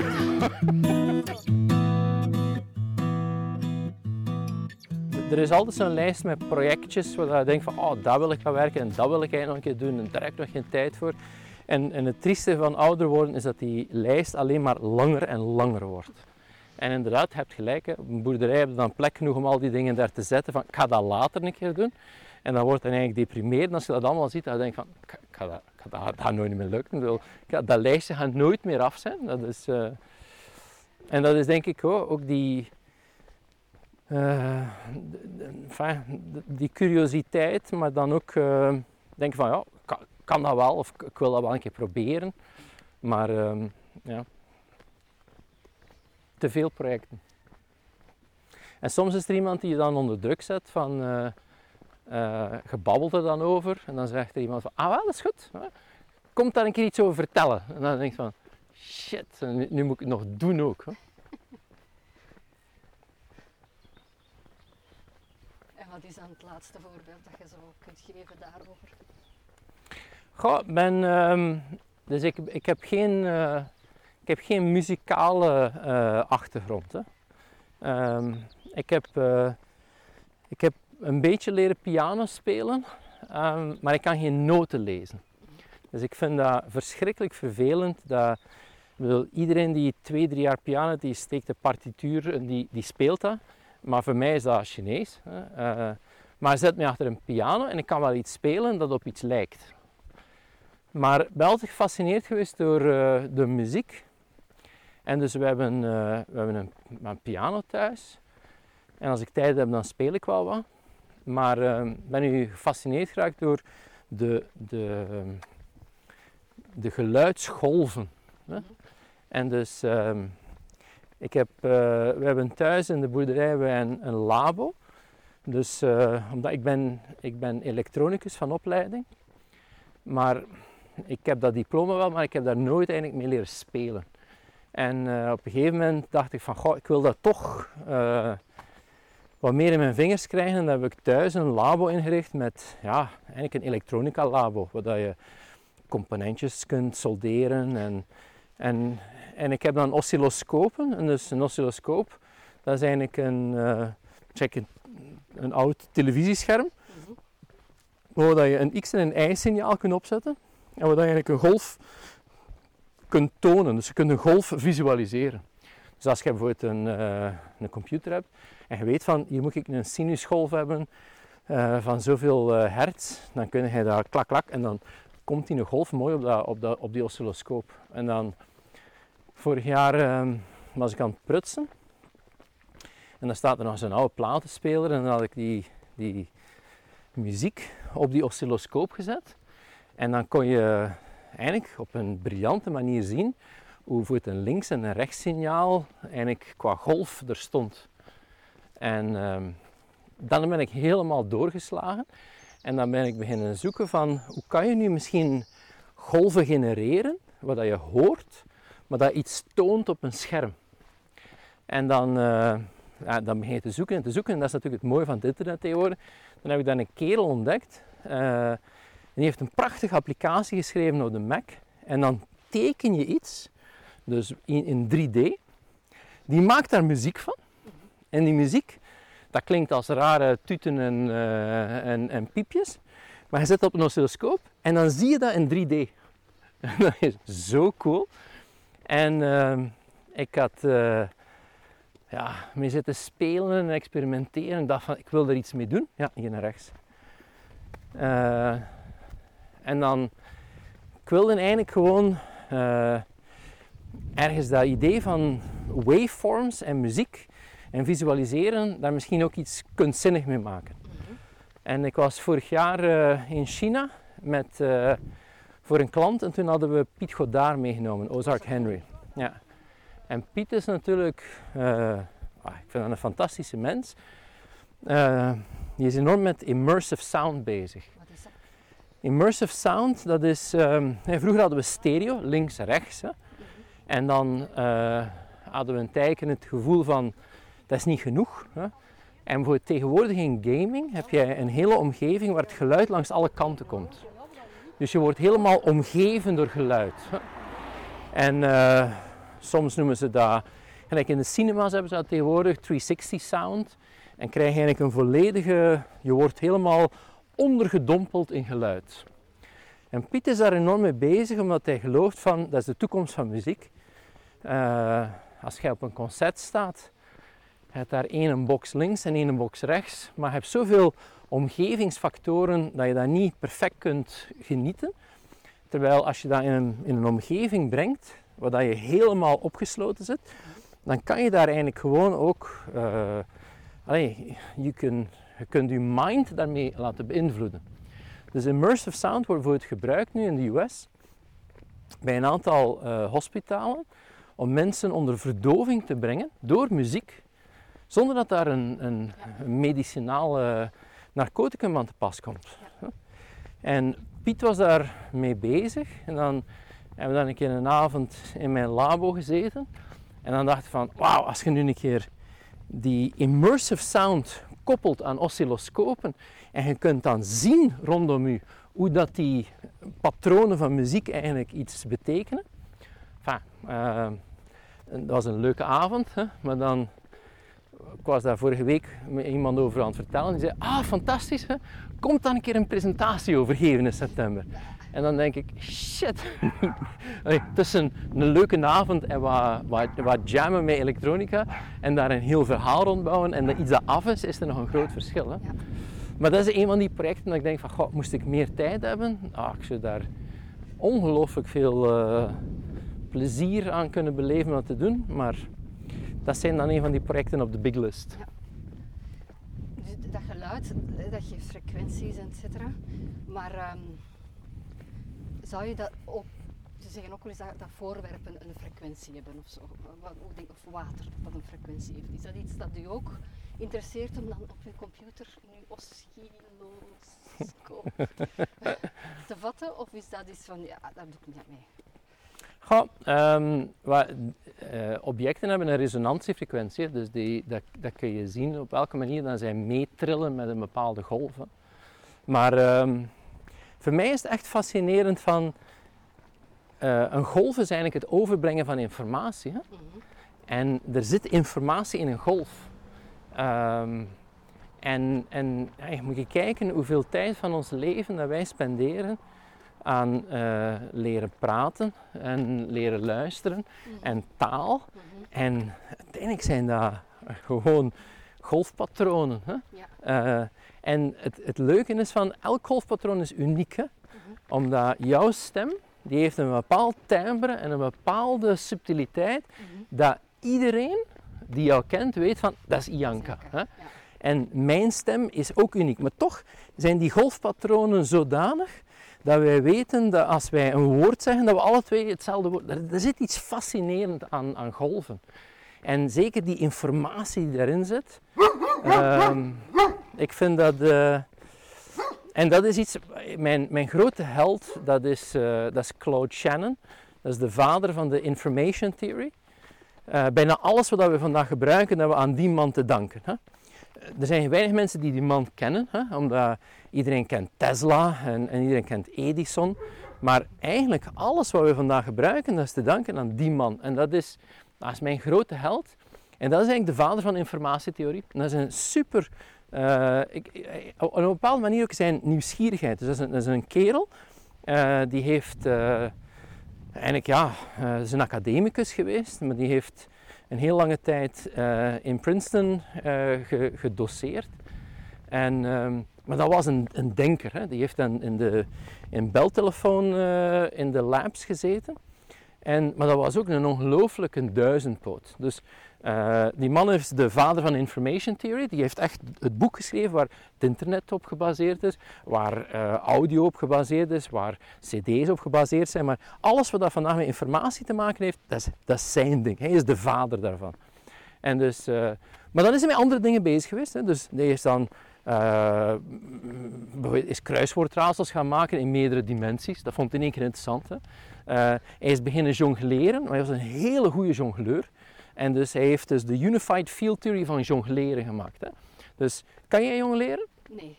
Ja, twee balkjes, dat is het. Twee. Hij kan met drie redelijk goed jongleren.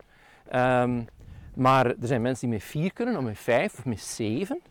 Maar die heeft dan een formule gemaakt, waar je zegt van kijk, je geeft in eh, een, een alien hoeveel armen dat hij heeft. Op de planeet wat de zwaartekracht is. En dan kon hij berekenen wat de patronen waren voor het jongleren om met zeven armen, met drie keer de zwaartekracht van de aarde, uh, 24 ballen in de lucht te houden. Hè. En die heeft er dan... te weten, toch? Ja, maar die heeft daar vier jaar van zijn leven aan gespendeerd aan de Unified Field Theory of Juggling.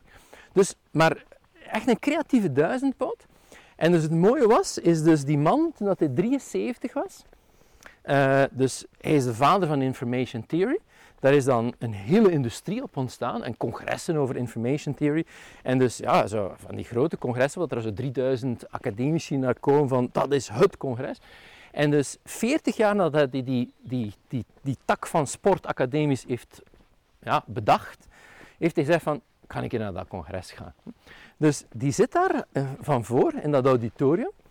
En in één keer gaat dat dus door die, dat auditorium van, zeg, dat is, dat is Claude Shannon dat daar zit. Hè? Dat is gelijk dat je nu naar een fysica bijeenkomst gaat en, en Isaac Newton zou daar gezeten hebben. Of zoiets, hè? Ik vind dat zo'n ongelooflijk verhaal. En dat vind ik eigenlijk het mooie, wat dat, uh, die basis van informatietheorie en die fascinatie van hoe dat wij dingen coderen. Maar, kijk, als het over golven en informatie gaat, dan, dan is hij daar de exponent van. Ja, ja. Lees je nog veel science fiction? Eh, het probleem is dat ik uh, de laatste maanden bijna niets meer lees. Omdat ik merkte van, ik las veel toen ik reisde. Mm -hmm. omdat je jetlag en je kunt niet slapen of je zit op een vliegtuig, je moet je bezighouden. Maar nu, de laatste vier maanden, dat is gewoon head hits the pillow en tjoeng, het is gedaan. Uh, dus helaas, kijk, daar is het, ehm, dat klein topje, dat is het kapelletje. Ja. ja. Ah, dat je naar je eigen kerktoren kunt lopen. ja, maar dat is het ironische. Die kerktoren is niet van mij, hè? Maar ja, het is het dat ernaast staat. Ja. Maar je ziet het er ook in. Ja, dat is waar. Uh, uh, Maar dat is Mater. Ik was hier vorige week. Uh, dus de heilige van Mater is Sint Amalberga. Je hebt misschien al wat vlaggen zien hangen. Maar dus vorige week was de Sint Amalberga uh, en normaal is dat dus een, de heilige, de, de patroonsheilige van Mater. En uh, dat is dan uh, met fanfare, een echt vee, volksfeest. Maar met COVID kon dat dan allemaal niet doorgaan. Maar ik wist dat dus niet. Ik had wel een vlag gekocht, hè, maar ja, wij wonen hier niet. Dus het is toch 10 kilometer van waar wij wonen. Dat is toch twee uur stappen? Dat is toch twee uur stappen. Hè. Maar dus, ik had ochtends een opname voor, uh, voor Amazon, voor Amazon Web Services. Maar dat was met uh, de Asia Pacific Group, dus die zitten in Australië. Dus uh, het was ja, 9 uur s ochtends, dus dat daar... Ehm, met het tijdsverschil was dat ideaal uitgerekend. En ik kom hier toe en iedereen staat hier op straat. Ik denk, huh, wat is dat? Al die vlaggen. Hè? En dus ik ga de kapel binnen. En heb daar heel mijn streaming studio, dus alles klaar. Hè. Twee voor negen zet ik alles op. En ah, how are you? I'm fine. Let's get started. Hè. Recording loopt, 9 uur. Boom! Kanonschoten, fanfare. En die mensen van, what the hell is happening there?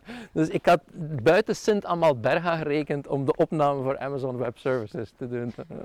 Dus dat is toch al een datum in je agenda dat je jaarlijks moet blokkeren. Hè? Dat ik zei van, ik ga, ik ga dan in de kapel geen opnames nee, doen. Tijdens de ronde ook niet, hè? Want, uh... Nee, maar de ronde passeert hier niet altijd. Hè. Uh, het, is, uh, het is afhankelijk van, van het parcours. De laatste 100 kilometer die ligt pretty much vast, omdat dat uh, de vaste lussen in Oudenaarde zijn. Maar ehm, ja, degene daarvoor natuurlijk niet.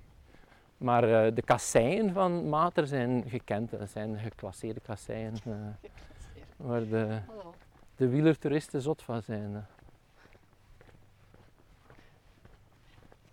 Hoe lang heb je de kapel ondertussen? Kleine twee jaar. Uh, toch een dik jaar restauratie aan de kapel. Daar woonde een kunstenaar. Ehm, een hele lieve, vriendelijke man, maar ehm, we hebben toch wel heel veel werk nodig gehad om die kapel weer eh, helemaal 21st century te maken. Ehm, en ja, de bedoeling was om daar toch mijn Apple-collectie in te zetten. Dat was dus, uh, die Apple-collectie is een, een zwaar uit de hand gelopen hobby. Ehm, ik heb echt een fascinatie voor Apple en dan zeker voor de producten. En dan, wij hadden een, uh, een Macintosh in 1984, dus de Mac is uitgekomen in 1984, we waren een van de eerste. En die liefde is nooit weggegaan. En ik heb ook nooit iets weggesmeten. Er zijn veel mensen die zeggen, ah ja, ik heb er nog op gewerkt, maar ik heb dat weggedaan. Mm. En ik heb nooit iets weggedaan. En een collectie wordt een grote collectie, dat wordt een veel te grote collectie. Dan is hij een paar jaar gaan reizen geweest. Die heeft in Gent gestaan, in Hasselt, bij de Corda Campus, in Hangar K in Kortrijk, bij Proximus. En op een gegeven moment koopte bij en dat ging gewoon niet meer thuis binnen. Was dat of een echtscheiding? Wel, een kapel kopen. Ja. En uiteindelijk ben ik daar heel blij mee, want dat is een, een, een kapel van een, uh, van een oud klooster. Uh, dat was de kapel van het schooltje van het klooster. En dus het is geen kerk, hè. Het is een kapel, dus het is niet zo groot als een kerk, maar het heeft toch... Het is altijd intact gebleven. De, andere, de rest van dat klooster, dat zijn appartementen geworden. De bijnaam, het is een, binnenkoertje, dat gemeenschappelijk is. De, bijnaam in Mater is Melrose Place, dat is Melrose Place. Maar uh, de kapel is intact gebleven. En dat idee van tech is the new religion, daar zit iets in. En ik vind het echt uh, een heerlijke manier om, om die combinatie van dat religieuze en dat technologische. het is daar ook altijd fris in de kapel. dat is goed voor je apparatuur. Dus. Het is ideaal eigenlijk. Hè? Vroeger stond het boven, uh, boven de stallen, uh, maar daar heb je stof en, en dat is echt heel slecht voor die elektronica. Um, en nu is het gewoon, ja, het is ideaal. Ze staan daar ook mooi en, en nu moet ik ze nog allemaal werkende krijgen. Dat is, een, dat is het plan. Ja, uiteindelijk, ik vind het toch wel het mooist als ze niet alleen daar staan, maar dat ze ook nog werken. Maar ja, dat zijn computers die uh, zijn 40 jaar oud. Hè. Um, Sommige ouder, sommige jonger, maar 40 jaar moet ik je nadenken welke apparaten dat je thuis hebt die al 40 jaar meegaan. Het zijn er niet veel, hè? Ja, ik, uh, ik doe dat weg, hè. Ik doe dat weg en Jan haalt die terug binnen. Want Jan heeft, uh, mijn man heeft ook elektronica gestudeerd. Het heeft mij tien jaar gekost om hele kasten leeg te halen met apparatuur die hij bijhield. omdat daar onderdelen waren die hij misschien ooit nog zou kunnen gebruiken. En nu is de omgekeerde beweging begonnen. Hij brengt altijd van alles terug eten naar huis. Uh, zijn mannen grotere verzamelaars dan vrouwen? Ik wil dat niet veralgemenen, maar uh, aan jullie te zien wel. we, gaan, uh, we gaan omlopen. Kijk, kijk een keer 10,1 kilometer. Great. Perfect, hè? Perfect. En ik hoop dat Strava dat ook genoteerd heeft, want anders... We gaan dat onmiddellijk zien, hè? Ja, en hetgeen dat ik niet heb gedaan of niet heb uh, opgenomen, kan ik nog extra doen hè, als, als straf. Hè. ja, de boetedoening terug naar, uh, naar uw thuis. maar als je, als de crow flies, dan is het 7,7 kilometer. Hè? Maar met, met de pittoreske... Met de mooiste boerin erbij. Met de mooiste boerin erbij. Ja. is het perfect 10 kilometer. Hè?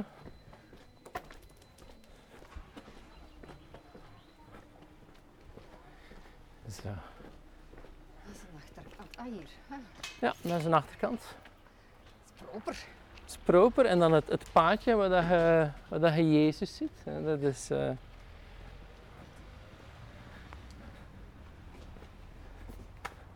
Dat, dat beeld maakt het af, vind ik. Hè? Ah ja, dus eigenlijk kijk ik hier rechts nu naar het klooster dat nu appartementen zijn. Ja, dit zijn de appartementen. En dat is het binnenkoertje en daar staat Jezus mooi. Wacht even, Peter. Uh, hij staat hier goed, hè? Hij staat hier goed. Zeg, maar dat is wel gezellig.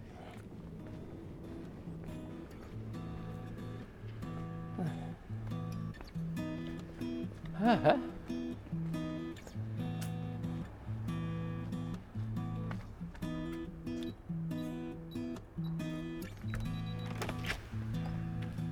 hè? Zo, kom binnen.